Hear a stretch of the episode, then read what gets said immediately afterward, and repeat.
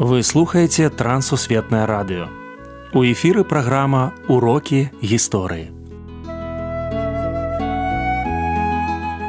Запрашаем у падарожжа падзей, асоб і фактаў. Вучыцеся разам з намі.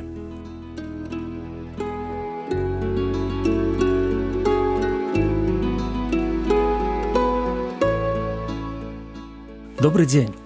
Перад мікрафонам сяржук брышцель і кандыдат гістарычных навук Андрусь унучак. Сёння мы пагаворым пра музей Васіля быкова. Прывітанне Андрусь. Прывітанне сяржук, прывітанне шаноўныя слухачы.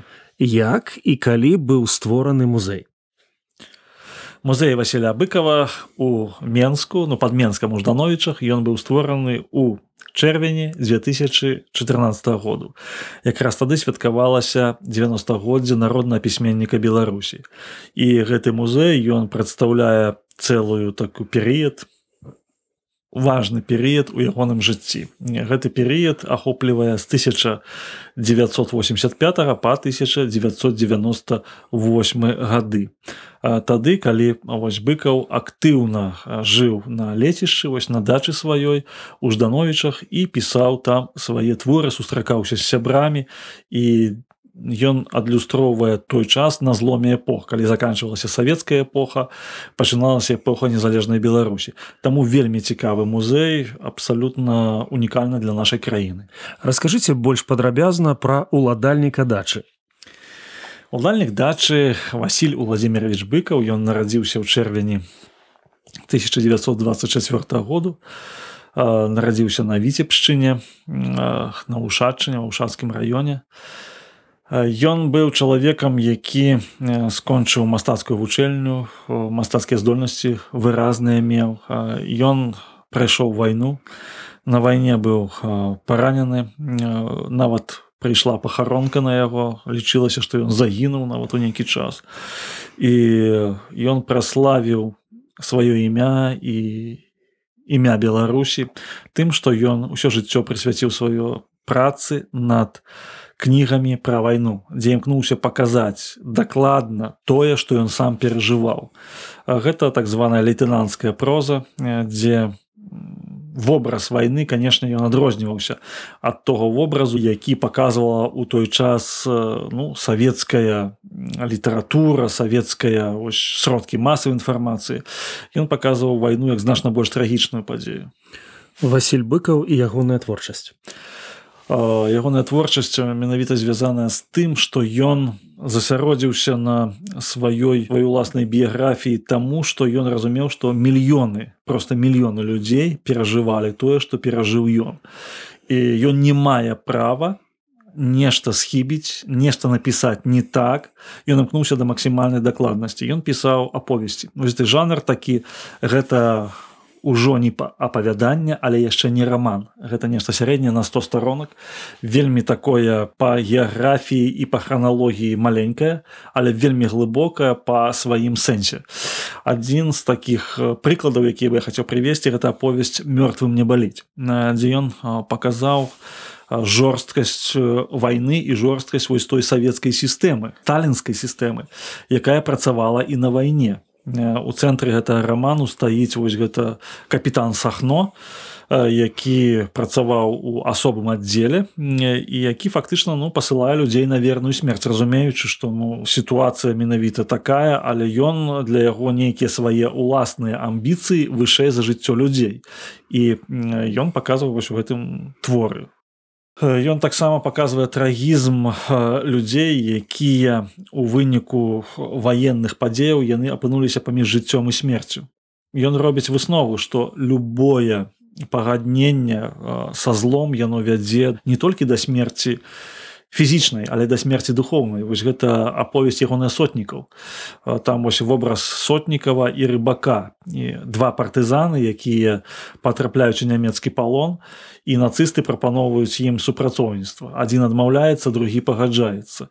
І той хто пагаджаецца ён ну застаецца жыць але гіне маральна духоўна а той хто не пагаджаецца ён гіне фізічна але маральна ён застаецца жывы.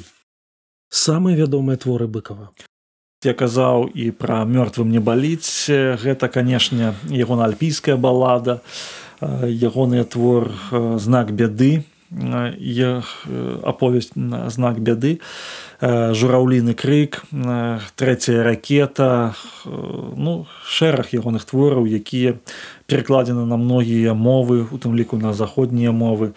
Ён напісаў вельмі шмат. Частку ягоных аповесцяў яны спачатку друкаваліся ў перакладзе пасля ў арыгінале. Цікавыя факты з біяграфіі калі мы кажам пра музей небыкава то там можна знайсці вельмі цікавыя факты з ягонай біяграфіі.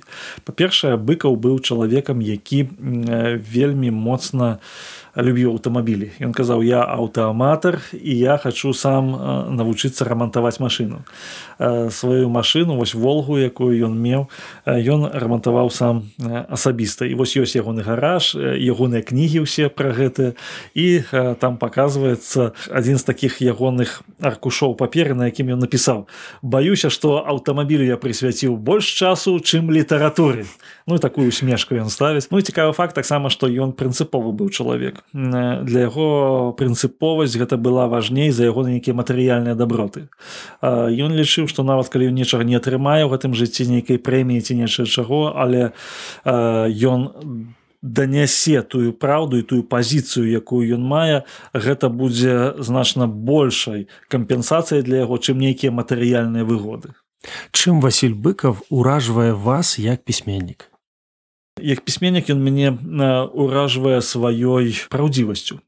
Ён быў песімістам па сутнасці але як ён сам пісаў чалавек які хоча каб ягоны песімізм быў абвергнуты самім жыццём Ён бачыў што зло моцнае ён прайшоў вайну ён бачыў гэта зло і пасляваенны час ён таксама прайшоў.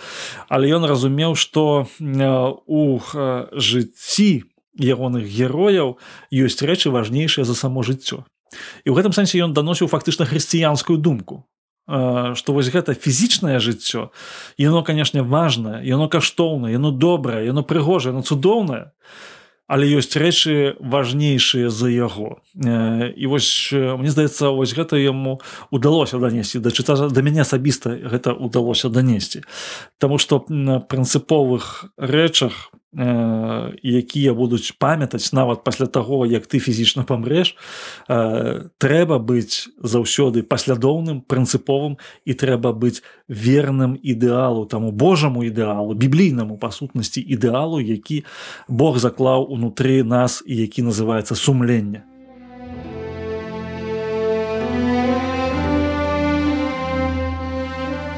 Думаю над адказамі андруся у А на ўспамін прыходзяць словы Алеся Пашковіча з прадмовы да аповесці бліндаж. Пасля быкава засталіся ягоная праўда, ягоная справа, ягоны боль, ягоныя кнігі. Творчасць народнага пісьменніка Беларусі гэта словы відавочцы. Васіль быков самы экранізаваны беларускі аўтар. Ягоныя творы ставіліся ў тэатрах, аповесці выкарыстоўваліся для стварэння радыёспектакляў, балету і нават оперы. Юрай залоска ў кнізе дыалогі з Васілём быкавым называе ягоную літаратурную спадчыну фронтам добрых намераў, а нашага гістарычнага госця патаемным сябрам. Ці стане ён бліжэй да нас.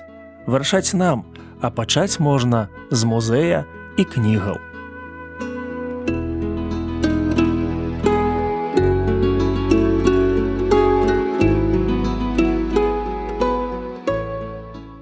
Пішыце калі ласка на адрас.